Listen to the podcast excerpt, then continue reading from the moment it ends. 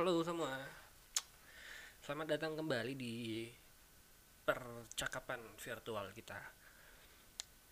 Eh, seperti biasa, saya lagi-lagi akan membahas proses petualangan saya membaca yang mana saya saya merasa sayang sekali kalau tidak didokumentasikan apalagi saya takut juga lupa. Jadi mungkin ini bermanfaat juga bagi saya dan senang sekali kalau misalnya bisa menjadi manfaat lain bagi orang yang lain juga.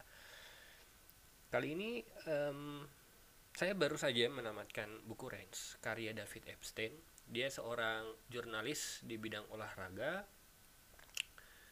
yang anehnya dia jurusan dia lulus di apa di latar belakang akademisnya itu sarjana lingkungan tapi justru menjadi seorang jurnalis olahraga. Jadi buku Rens ini eh, adalah buku yang berisi tentang keunggulan seorang generalis dibandingkan spesialis jadi ditulis di covernya mengapa menguasai beragam bidang bisa membuat kita unggul di dunia yang mengedepankan kekhususan bidang? Hal yang mungkin apa ya di di benak kita eh, terdengar menggoda ya mengingat bahwa sejak kecil kita selalu di apa ya, dipaksa oleh masyarakat bahwa kamu harus fokus di sini fokus di sini fokus di A B sampai Z begitu dan ternyata David Epstein berusaha untuk eh, mengajukan bahwa generalis itu juga ada keuntungannya loh dan itu dapat membuat kita unggul di zaman yang begini. Ini buku yang konon merupakan uh, bantahan keras untuk Malcolm Gladwell yang menulis. Teman-teman tahu lah ya Malcolm ini kan dia primadona Gramedia ya. Bukunya sering bestseller. Ada David dan Goliath terus ada apa lagi? Blink ada Outlier. Salah satu prinsip yang dipatahkan berkeping-keping oleh David Epstein ini adalah prinsip 10.000 jam kerja. Jadi konon katanya orang itu dia bisa mencapai kepakaran, kemahiran ketika atau misalnya menjadi profesional ketika dia telah meluangkan 10.000 jam waktunya untuk melakukan latihan. nah, apakah itu benar? Buku ini tampaknya ingin menggugat kebenaran daripada uh, prinsip itu, tuh. Jadi uh, spesialis yang dalam konteks ini yang yang pengen digugat oleh buku ini itu adalah orang yang sangat berpegang teguh pada dogma 10.000 jam kerja itu. Um, buku ini kemudian dibuka dengan pengalaman seorang anak yang pada usia 10 bulan dia sudah sering bermain golf. Jadi uh, bapaknya itu membuat apa ya uh, lapangan golf miniatur lapangan golf di dalam rumah dan anak anaknya itu yang berusia 10 bulan sudah untuk usianya itu sudah hebat presisi dan punya kemampuan motorik yang bagus untuk memainkan golf. Sampai akhirnya pada usia 2 tahun anak tersebut pertama kali tampil di depan layar kaca dan memenangkan lomba golf kompetisi golf eh, dalam kategori 10 tahun ke bawah. Yang mana itu merupakan eh, pencapaian yang sangat ajaib ya. Anak 2 tahun itu bisa mengalahkan uh, anak yang berusia lima tahun atau lima kali usia dia misalnya 10 tahun. Akhirnya anak tersebut anak ajaib tersebut tumbuh dewasa kemahiran dia dalam bermain golf semakin terasa dan akhirnya dia dikenal sebagai Tiger Woods orang eh, semacam apa ya Tuhan atau dewa di dunia dunia golf. Sampai suatu ketika dia ketemu dengan seorang di apa ya di pucuk dunia juga. Jadi Tiger Woods ini kayak berada di pucuk dunia di mana apa ya, dia dia dia telah mencapai seluruh keberhasilan dalam usia muda berkat spesialisasi. Tapi suatu ketika dia ketemu dengan orang yang tampaknya punya pengalaman yang sama bukan pengalaman yang sama tapi perasaan kemenangan yang sama namun di bidang yang berbeda. Orang itu bernama Roger Federer. Pertemuan mereka itu menjengkelkan ya karena sombong banget Roger Federer ini uh, so asik dan berkata saya senang berteman dengan Tiger Woods tidak pernah saya dalam hidup bisa berkawan dengan orang yang tidak terkalahkan seperti saya nah tapi berbeda Roger Federer dengan Tiger Woods ini meskipun mereka mencapai keberhasilan yang sangat cemerlang masing-masing bidang mereka. Jadi kalau Tiger Woods di golf, Roger Federer ini di tenis, tapi mereka itu beda dalam soal uh, pengasuhan ketika masa kecil. Tiger Woods adalah seorang spesialis. Spesialis artinya adalah mereka yang memutuskan untuk memilih jalan ninjanya itu sejak dari usia sangat belia. Sejak usia 10 bulan Tiger Woods telah ditentukan takdirnya untuk menjadi seorang pegolf eh, pegolf profesional. Sedangkan Roger Federer dia justru terlambat memutuskan tenis sebagai jalan ninjanya. Jadi nggak kayak Tiger Woods yang dari kecil itu udah difokuskan kamu main golf aja gitu. Roger Federer sendiri dia sebelum bermain dan fokus di tenis dia memainkan banyak jenis olahraga ada skating misalnya terus basket dan olahraga yang menggunakan bola dan lebih banyak lagi dan pokoknya bermacam-macam olahraga dia justru um, fokus pada tenis itu usia remaja entah itu SMP atau SMA dan saat itu dia langsung menjadi mahir di bidang dia um, ketika seseorang pencari bakat melihat ada potensi di diri Roger Federer muda, kemudian Roger diajak untuk uh, bermain di ekosistem tenis yang lebih profesional, dia menolak dan berkata masih pengen bermain dengan teman-teman sebayanya. Berbeda dengan Tiger Woods yang tidak pernah menunda kesempatan untuk apa ya, melesat ke ke puncak Roger Federer ini kayak bermain-main. Dia dia main-main dulu dia apa ya, menjadikan berbagai macam olahraga itu kayak makanan yang dia cicipi satu persatu sebelum akhirnya menentukan mana makanan paling favorit dia dan dia lebih senang bermain dengan teman-teman sebaya dia. Gitu. Jadi terkesan tidak kompetitif. Tapi um, itulah sifat generalis itu. Generalis adalah orang yang terlambat menentukan jalan ninja mereka tapi mereka itu jauh lebih kreatif dan bisa membangun koneksi antara berbagai macam uh, lapangan apa ya, uh, domain yang berbeda dalam konteks ini domain olahraga. Roger mengakui karena telah banyak mencicipi keterampilan-keterampilan olahraga yang lain, dia kemudian memanfaatkan itu untuk membangun koordinasi yang baik antara mata dengan lengannya ketika bermain tenis. Yang mungkin itu tidak bisa dia uh, dia apa kuasai koordinasi itu kalau misalnya tidak mencicipi macam-macam olahraga dulu sebelumnya. Jadi kalau misalnya spesialis itu apa untuk menjadi pakar, Tiger Woods itu dipersiapkan untuk menspesialisasikan dirinya dari usia sangat belia. Tapi seorang generalis itu dia melakukan sampling dulu. Jadi dia mengambil sampling e, berbagai macam jenis dan berpetualang dulu dia ke dunia-dunia lain sebelum akhirnya menentukan saya pengen jadi apa nih Nah, kalau misalnya Roger Federer itu adalah sampel di bidang olahraga, di bidang musik kita mengenal Yoyoma, silo, pemain selo profesional yang justru dia pertama kali belajar alat musik itu bukan selo. Dia pertama belajar itu pertama violin, biola, kemudian eh, dia belajar piano. Butuh waktu yang tidak cepat untuk akhirnya dia memutuskan bermain selo. Tuh. Jadi ada proses sampling lebih dulu. Nah, itu perbedaan antara spesialis dan generalis. Oke. Okay. Dan buku ini juga selain apa ya, selain menyoal soal uh, distingsi antara spesialis dan generalis, ada satu poin yang menarik juga yang saya tangkap sini adalah uh, hubungan apakah korelasi antara pengalaman dan performance seseorang. Apakah semakin seseorang berpengalaman semakin dia jago melakukan uh, bidang yang dia dia dia tekuni itu? Semakin dia berpengalaman di jalan ninja apakah dia akan semakin mungkin jago di e, bidang di jalan ninjanya itu? Ada dua tokoh yang terlibat dalam perdebatan ini. Satu adalah Klein dan dua Kahneman. Dua tokoh ini adalah dua apa dua dua tokoh besar di dalam psikologi perilaku yang khusus untuk membahas bagaimana manusia me, membuat suatu keputusan atau decision making Klein berkata bahwa e, pengalaman itu sangat baik, sangat mempengaruhi kemahiran seseorang untuk melakukan sesuatu. Dia mengambil jadi dia sepakat bahwa pengalaman dan performan itu atau kemahiran itu saling memiliki kaitan. Dia mengambil sampel misalnya catur dan poker. Hanya orang-orang yang punya banyak pengalaman di dalam caturan poker atau yang menerapkan 10.000 jam kerja tadi kata eh, 10.000 jam kerja Malcolm Gladwell yang bisa memprediksi langkah yang akan dilakukan oleh lawannya dan bisa memprediksi ekspresi dari lawannya di atas meja judi misalnya.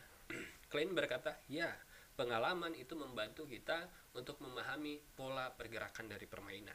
Tapi Kahneman berkata tidak. Dia mengambil sampel apa? Orang-orang yang eh, yang telah mendedikasikan dirinya sampai ke pucuk menara gading ilmu politik misalnya yang sudah profesor bidang politik yang menyebut diri mereka pakar itu justru adalah orang yang paling sering tidak akurat dalam memprediksi masa depan politik bangsa. Atau misalnya eh, orang yang seberapa banyak buku ekon uh, titel ekonomi yang dibaca tidak membuat seseorang itu hebat dalam memprediksi masa depan ekonomi gitu dan Kahneman berkata pengalaman itu hanya akan menambah rasa percaya diri kita ketika membuat suatu keputusan atau ketika membicarakan kemungkinan yang terjadi di masa depan. Tapi dia tidak memberikan garansi bahwa apa yang akan kita ucapkan itu adalah kebenaran. Jadi kalau Klein berkata ya, pengalaman itu membantu kita memprediksi lawan atau memprediksi masa depan, tapi Kahneman berkata tidak. Pengalaman tidak membuat kita lebih baik dalam memprediksi gerakan lawan atau masa depan. Sampai akhirnya pada tahun 2009 Kahneman dan Klein ini akhirnya ketemu lalu mereka bersepakat bahwa mereka itu ternyata sama-sama benar. Yang membedakan sebenarnya hanyalah konteks gitu. Jadi pengalaman itu akan mempengaruhi performance apabila dia diterapkan dalam lapangan pengalaman yang sempit. Dalam konteks ini adalah catur dan poker. Itu adalah uh, konsepnya apa ya? Pengalamannya sangat sempit gitu. Tapi untuk politik dan ekonomi, dia menuntut keterlibatan pengalaman dan proses pembelajaran yang sangat luas. Karena apa ya, politik dan ekonomi ini kan dia dia variabelnya banyak sekali. Uh, dan penuh dengan hal-hal yang tidak terduga. Sejarah telah banyak membuktikan bahwa umat manusia itu lebih sering didorong oleh kebetulan. Eh, kita, iya kebetulan dan apa ya dan banyak revolusi yang sebenarnya tidak direncanakan. Dan setiap kali kita pengen mempertahankan stabilitas di bidang politik dan ekonomi justru itu adalah mangsa sebenarnya dari kekacauan atau bahasa biologinya mungkin entropi uh, akan ada satu titik mangsa di mana stabilitas itu akan tergoncang oleh kekacauan itu. Sehingga memprediksi memprediksi masa depan politik dan ekonomi itu adalah apa ya itu tidak bisa diukur dengan seberapa banyak ijazah kita di latar belakang akademis atau seberapa panjang titel kita misalnya di belakang nama. Jadi sebenarnya sama-sama benar bahwa pengalaman itu mempengaruhi performance atau kemahiran seseorang tapi dia di bidang yang sempit doang. Tapi untuk di bidang yang lebih panjang pengalaman itu justru bisa menjadi bumerang atau senjata makan tuan jadi orang memang bisa terlihat tampak percaya diri ketika memprediksi misalnya masa depan ekonomi Indonesia pasca COVID-19 tapi belum tentu dia berkata hal yang benar. Belum tentu kata-katanya itu bisa menjadi garansi dari kebenaran yang sesungguhnya. Nah ini ada ada apa namanya ada namanya bias kognitif dalam soal ini namanya itu super forecaster atau ilusi ramalan itu jadi semakin seseorang itu apa ya, semakin seseorang itu meyakini bahwa dia itu misalnya ahli di bidang politik dia akan semakin yakin bahwa ramalan politiknya itu benar. Tapi justru keyakinan itu yang sering kali tidak akurat dan sering kali keliru gitu. Hal yang sama berlaku dalam eh, bidang-bidang lain. Nah super forecaster ini super forecaster ini uh, adalah gagasan yang dikemukakan oleh seseorang bernama Philip Tetlock ya. Philip Tetlock ini dia seorang ilmuwan politik dan dia mengamati bahwa orang-orang semakin mereka pakar di bidang sesuatu semakin mereka berani untuk membuat prediksi-prediksi yang ekstrim dan semakin mereka akan malu karena prediksi mereka itu akan menampar pipi mereka dengan uh, ketidakakuratan. Jadi Philip Tetlock memfokuskan diri dia untuk meneliti bagaimana seseorang bisa menjadi seorang uh, peramal ulung dan bagaimana seseorang bisa menjadi uh, peramal ulung itu super forecaster ya dan dan bagaimana dan kenapa seorang yang meramalkan sesuatu itu sangat percaya bahwa ramalannya itu akan terjadi. Jadi semua ini ternyata hanya persoalan bias kognitif atau keyakinan yang berlebihan atau rasa percaya diri yang berlebihan tadi. Gara-gara mungkin kita sudah terlalu banyak pengalaman di satu bidang. Um, dan uh, Philip Tetlock mengumpulkan ribuan pakar dari berbagai bidang lalu dia menyusun dia dan tim-timnya menyusun ribuan uh, prediksi dan bertanya kepada para partisipan apakah prediksi ini akan terjadi di masa depan. Jadi tanya jawab berlangsung dan selama bertahun-tahun penelitian ini dirawat, di maintain sedemikian rupa sampai akhirnya Tedlock mengambil satu kesimpulan bahwa semakin kita terspesialisasi, semakin kita merasa diri kita pakar, terutama misalnya semakin kita terspesialisasi di bidang politik atau agama tertentu semakin kita itu tidak akurat dalam meramalkan masa depan. Kata Tedlock dengan satire dia berkata orang-orang yang dengan percaya diri meramalkan masa depan itu tidak lebih baik daripada seorang simpanse yang melempar panah ke papan dart gitu. Jadi tidak akurat makanya saya tidak heran misalnya eh, teman-teman tidak perlu heran kenapa misalnya um, kiamat 2012 tidak terjadi. Jadi semakin seseorang punya latar belakang politik dan agama tertentu, semakin kita itu sebaiknya tidak mempercayai ramalan mereka terhadap masa depan. Kayak misalnya apa? Seorang republik misalnya akan berkata bahwa republik paling bagus dan ramalan republik itu yang paling paling akurat. Tapi seorang demokrat juga akan berkata begitu. Jadi terkadang ini masalah keyakinan. Kunci dari eh, kemahiran untuk meramalkan masa depan justru kata Philip Tetlock itu bukan kepakaran bukan ekspertis seseorang melainkan penerimaan mereka terhadap kebenaran alternatif yang berbeda. Semakin seseorang moderat, semakin seseorang berani mengkritik diri dia sendiri, semakin mungkin ramalannya itu akan um, akurat gitu. Dan orang-orang ini justru bukanlah orang yang spesialis, orang yang Eh, beberapa orang yang membuat ramalan misalnya di bidang politik dan akurat justru tidak berasal dari bidang politik dan hal yang sama berlaku di bidang-bidang lain tuh. Jadi bukan soal spesialisasi yang membuat kita membantu kita memprediksi hal-hal yang berada di lapangan yang lebih luas yaitu politik ekonomi dan sosial melainkan uh, generalisasi gitu. Jadi uh, kunci untuk memahami dan memprediksi masa depan yang begitu luas dan nyaris tak terbatas justru adalah uh, generalisasi bukan spesialisasi gitu. Um, ini juga mungkin bisa dijadikan kritik ya kritik terhadap uh, matinya kepakaran Tom Nichols. Jadi memang um, saya baca sebagian karena banyak juga yang saya tidak sepakat dari Tom Nichols ini bahwa Tom Nichols benar ketika mengkritik orang yang sok tahu, orang yang sok tahu dan ketika mengkritik uh, orang yang sok tahu yang diberikan ruang oleh media sosial dan internet untuk banyak berbicara di depan follower-follower mereka.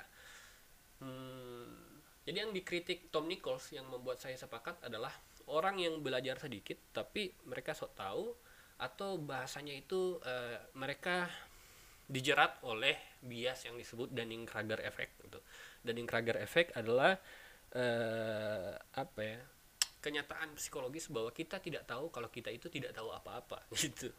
Jadi uh, ya sayang banget lah gitu. Jadi semakin kita tidak tahu semakin kita bodoh semakin kita merasa diri pintar. Nah kasarnya begitu. Sampai saya tergelitik sendiri ketika membaca uh, salah satu tulisan ini pekerja kreatif favorit saya Austin Kleon dia bilang um, ya Tuhan jadikan aku cukup pintar untuk membuat supaya aku sadar bahwa aku ini ternyata tidak pintar gitu. Justru ke apa ya e, pucuk dari ke, kepengetahuan kita adalah bahwa seperti kata filsuf kuno kita tahu bahwa kita tidak tahu apa-apa dan itu yang justru mendorong dunia lebih maju. Kepakaran kemudian ada kesan e, kesan ini yang selalu saya khawatirkan ketika membaca buku terkadang eh, impact intelektualnya itu lebih rendah daripada impact psikologisnya gitu. Nah, uh, saya takut akan ada kesan bahwa kita kemudian memuliakan para pakar yang apa yang mengurung diri, menyekap diri di atas pucuk-pucuk menara gadik intelektual. Sehingga seolah-olah ya untuk membicarakan sebuah kebenaran atau untuk menyampaikan opini dan menyampaikan pandangan seseorang itu harus apa ya harus memiliki sertifikat atau misalnya ijazah atau misalnya berbagai macam titel di belakang nama. Ada kecenderungan konservatisme intelektual gitu oleh Tom Nichols ini. Kritik dia terhadap uh, orang yang uh, orang yang mengalami Dunning-Kruger effect yang sok tahu itu saya sepakat. Tapi tidak membenarkan bahwa kebenaran itu selalu adalah hak eksklusif daripada orang-orang yang terspesialisasi di bidang mereka dan juga telah diakui ekspertis mereka gitu. Bagaimana cara membantah ini? Buku Renz David Ems yang ditulis oleh David Epstein ini kemudian menampilkan sosok Jill. Jill ini adalah seorang anak yang sejak kecil dari usia belia dia itu sering jatuh gitu sering kepleset gitu dan dia sering ditertawakan oleh teman-teman sebayanya karena wajahnya itu tampak lebih tua dibandingkan teman-teman sebaya tengkuknya itu uh, apa ya urat-urat. Nadi itu kayak apa ya, kayak muncul gitu kayak timbul di tengkuknya itu. Dan apa ya lemak-lemaknya itu hilang dan orang-orang mengejek dia teman sebaya mengejek dia ih si Jill udah tua gitu. Sehingga kadang-kadang ibunya memberi uang kepada teman-teman sebayanya supaya bisa main bareng si Jill kemudian sampai di titik di mana orang tua merasa ada yang tidak beres. Akhirnya mereka membawa Jill ke rumah sakit. Jadi Jill dibawa ke rumah sakit. Tuh. Tes darah ternyata menunjukkan bahwa Jill ayahnya dan saudaranya itu memiliki kadar kreatina kinasa atau enzim yang pecah dari otot rusak yang lebih tinggi dari orang normal. Um, akhirnya diketahui bahwa Jill ini mengalami penciutan otot yang yang apa yang biasanya ini kejadian yang dialami secara genetik turun temurun Sijil memang masih sering sering terpleset dan jatuh ketika berjalan-jalan. Urat nadinya itu semakin muncul, semakin timbul di kulitnya, apalagi kulit lengannya. Dan dia kemudian dengan tekad dan dengan rasa ingin tahu yang besar, dia pergi ke perpustakaan. Jadi awalnya dia mengira ini gara-gara hantu. Hantu sedang memakan usianya atau hantu sedang memakan lemak-lemaknya sampai dia lemaknya hilang uh, ototnya menciut dan lain sebagainya dan kebiasaan dia untuk pergi ke perpustakaan mencari persoalan hantu dan sampai dikira bapaknya dia ini sedang membuat apa sekte pemuja setan sampai apa ya, dia, dia menemukan informasi dan ciri-ciri fisik dan biologis yang sama persis dengan dia bahwa sebenarnya um, sijil ini bukan bukan sekadar masalah biologis biasa tapi ini disebut dengan ini semua ciri-ciri yang dia rasakan itu sama dengan ciri-ciri penyakit Emery Dreyfus ya Emery Dreyfus Emery Dreyfus jadi dia bahkan nyari sampai ke jurnal-jurnal uh, medis dan kesehatan yang itu harusnya bacaan di atas usia dia Nah, dia melihat juga hal yang sama terjadi pada bapaknya. Pelengan bapaknya itu lebih besar dibandingkan otot di yang mendekati bahu ini. Jadi kayak Popeye. Dan memang penyakit Emery Dreyfus ini disebut juga dengan uh, kelainan lengan Popeye gitu. dia kemudian membawa pulang memotong artikel-artikel tersebut dan mem, dan apa ya dan menawarkan kepada bapaknya supaya dibaca. Satu hal yang membuat bapaknya itu tercengang dan merasa apa ya merasa sangat banyak persamaan yaitu soal penyakit jantung itu. Jadi jantung bapaknya ini memang eh, gejala jantungnya itu ritmenya kadang-kadang tidak normal.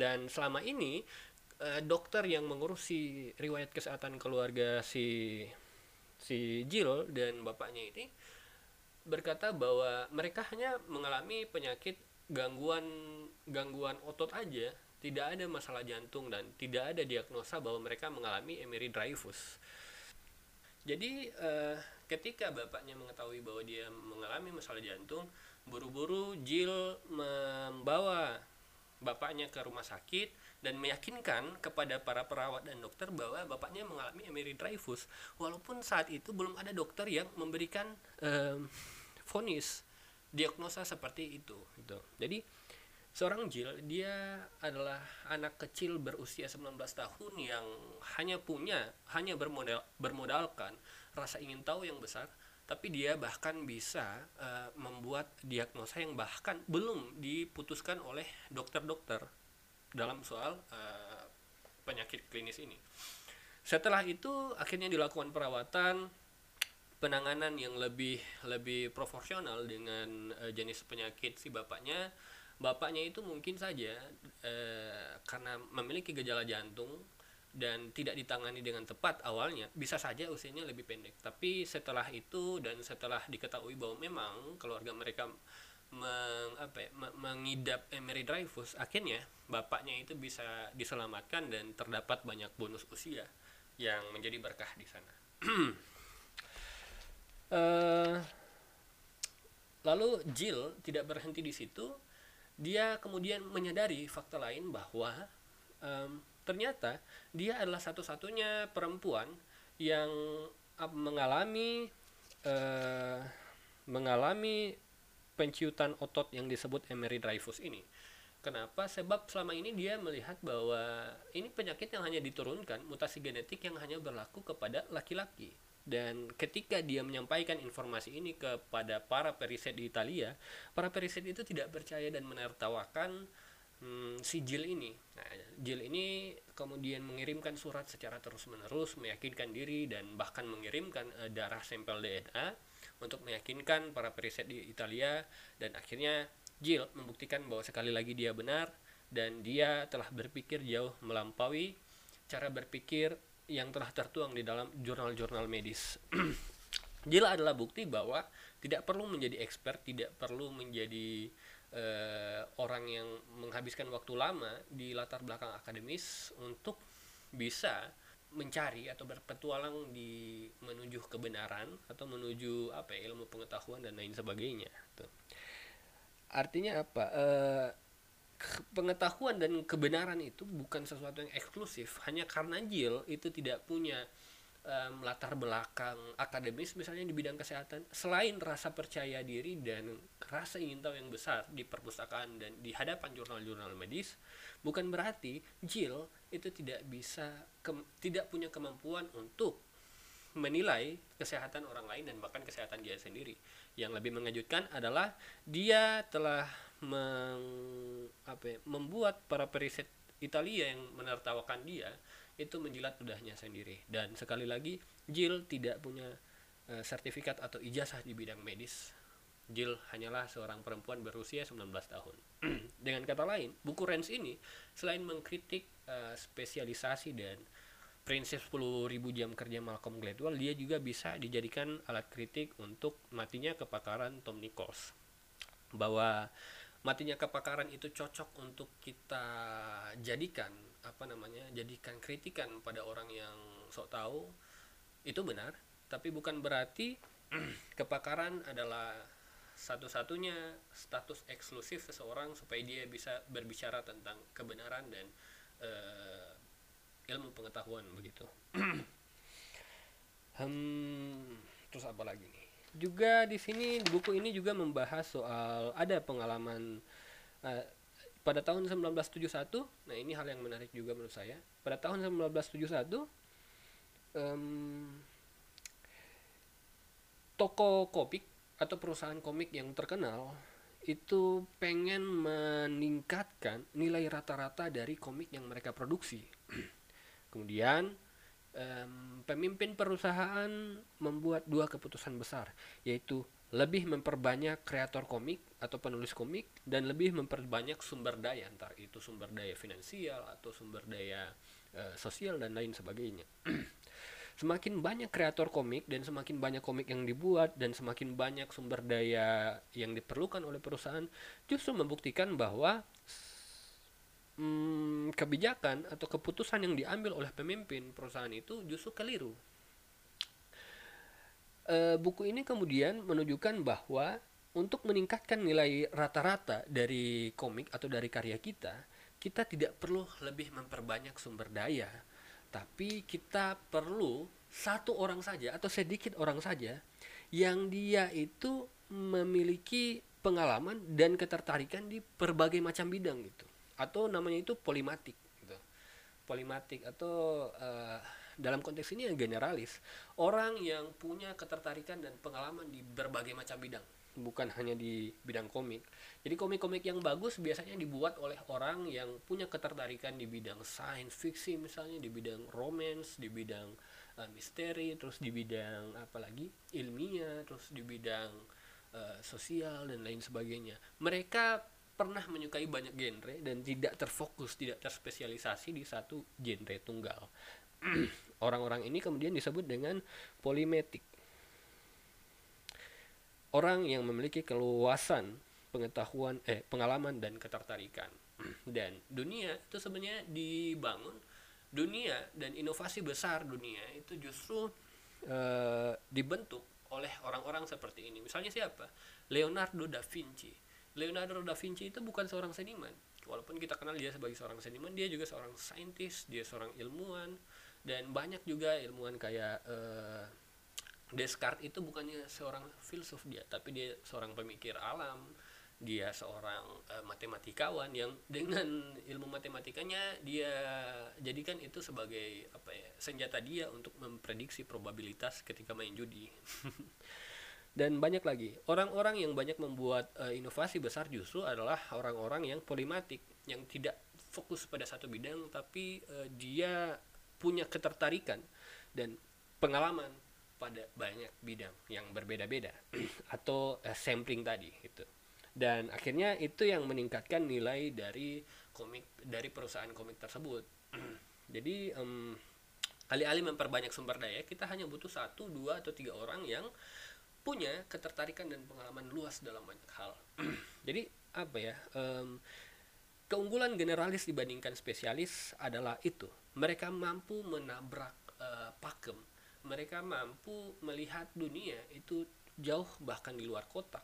Bahkan mungkin di luar kotaknya masih ada kotak yang lebih besar lagi. Mereka mampu melihat bahkan menyadari bahwa mereka itu tidak pernah berada di kotak tersebut gitu.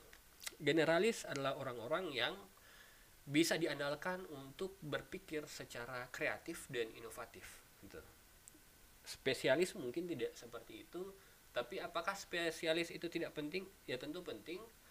Um, tapi bukan berarti bahwa buku ini bukan berarti juga bahwa buku ini berkata spesialis itu tidak penting. Tentu penting spesialis itu tapi jangan sampai kita lupa bahwa generalis punya keunggulannya tersendiri. Kalau misalnya kita pengen kerja yang lebih apa ya lebih disiplin lebih terukur dan mungkin lebih pasti spesialis itu mungkin bisa dijadikan jalan ninja. Tapi kalau misalnya kita butuh akan hidup di dunia di mana butuh inovasi dan butuh kreativitas yang tinggi serta uh, daya kritis yang di luar kotak kita tentu harus mempercayai para generalis. Seperti kayak buku ini juga bercerita soal um, para ilmuwan yang berkumpul di tiap minggu atau tiap minggu atau tiap bulan ya jadi ilmuwan dari berbagai macam bidang terus dari yang pendidikannya tinggi banget sampai yang amatir banget itu ketemu lalu mereka berdiskusi. Di apa ya, eh, pengalaman interdisipliner itu pertemuan antara berbagai orang dari disiplin berbeda kemudian e, melahirkan berbagai macam inovasi hal-hal yang yang apa ya, yang tidak bisa dipecahkan kalau misalnya kita hanya terlalu fokus pada satu titik itu keunggulan generalis. Generalis membantu kita melihat dari sisi-sisi tak tertebak dan sisi-sisi rahasia yang biasanya merupakan titik buta kognitif dari para spesialis. Dan apa ya eh, teman-teman uh, yang mungkin terlambat menyadari jalan ninja kawan-kawan jangan pernah khawatir buku ini juga berkata bahwa uh, menyadari bahwa diri kita itu terlambat sadar tentang passion kita itu justru hal yang baik. Karena kita tidak gampang menyesal di awal gitu. Dan ada beberapa tips juga eh, semacam pedoman supaya bagaimana untuk menjadi generalis ya. Pertama adalah rajin-rajinlah bereksperimen. Jadi eh, menyalakan kembali um, semangat anak-anak dalam diri kita barangkali. Terus kedua Nah, si David Epstein ini berkata jangan merasa tertinggal karena tiap orang itu punya bagi saya juga tiap orang itu punya lintasan hidup yang berbeda-beda. Di sini uh, David Epstein tampaknya mengutip salah satu dari 12 aturan Jordan Peterson yaitu kalau pengen membandingkan diri itu jangan bandingkan diri kita dengan orang lain tapi bandingkan diri kita hari ini dengan diri kita di masa lalu. Begitu. Tidak masalah kalau misalnya tidak bisa jadi generalis. Menjadi spesialis juga is okay is okay. Karena beberapa orang ya secara biologis fitrahnya mungkin ya adalah orang yang menjadi spesialis gitu. Tiger Woods adalah seorang spesialis dan is okay dia sukses dengan itu. Buku ini hanya membuktikan bahwa hmm, hanya karena spesialis itu bisa melahirkan orang semacam Tiger Woods bukan berarti orang yang generalis itu tidak bisa menciptakan uh, profesional atau uh, orang besar dengan cara yang berbeda dengan spesialis begitu. Ya itu saja sih soal buku ini. Ini buku yang bagus terutama untuk teman-teman yang merasa diri mediocre seperti saya.